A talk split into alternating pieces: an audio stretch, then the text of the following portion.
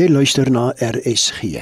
Dis nou tyd vir die aandgedagte en dit word waargeneem vanaand deur Dominee Stefan de Swart van George.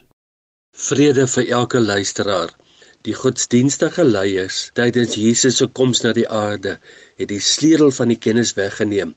Lukas 11 vers 25 stel dit so: "Wee julle wetsgeleerdes, want julle het die sleutel van die kennis weggeneem. Self het julle nie ingegaan nie en vir die wat wou ingaan, het julle dit verhinder. Johannes 5:28, 38 tot 40 sluit hierdie beeld vir ons oop. En julle het sy woord nie as iets blywend in julle nie, omdat julle hom, dit is Jesus wat hy, dis die Vader gestuur het, nie glo nie. Julle ondersoek die skrifte omdat julle meen dat julle daarin die ewige lewe het. En dit is die wat van my getuig. So die skrif getuig van die lewe wat in Christus is. En julle wil nie na my kom die persoon om die lewe te hê nie. Hier word die blindheid van die leiers van die Ou Testament ontbloot soos nêrens elders nie.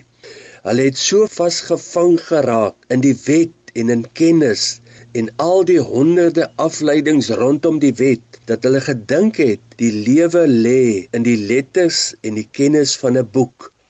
Jesus kom sê die lewe is in lewende persone in die ewige liefde van die Vader in die liefde tot die dood van die Seun en in die dienende liefde van die Heilige Gees wat bereid is om in gebroke sondaars te woon lewenslank om hulle geestelik op te gradeer.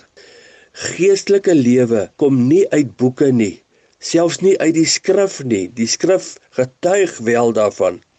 Maar die lewe kom uit goddelike persone. Ek gebruik meervoud want Genesis 1 vers 26 praat reeds van ons.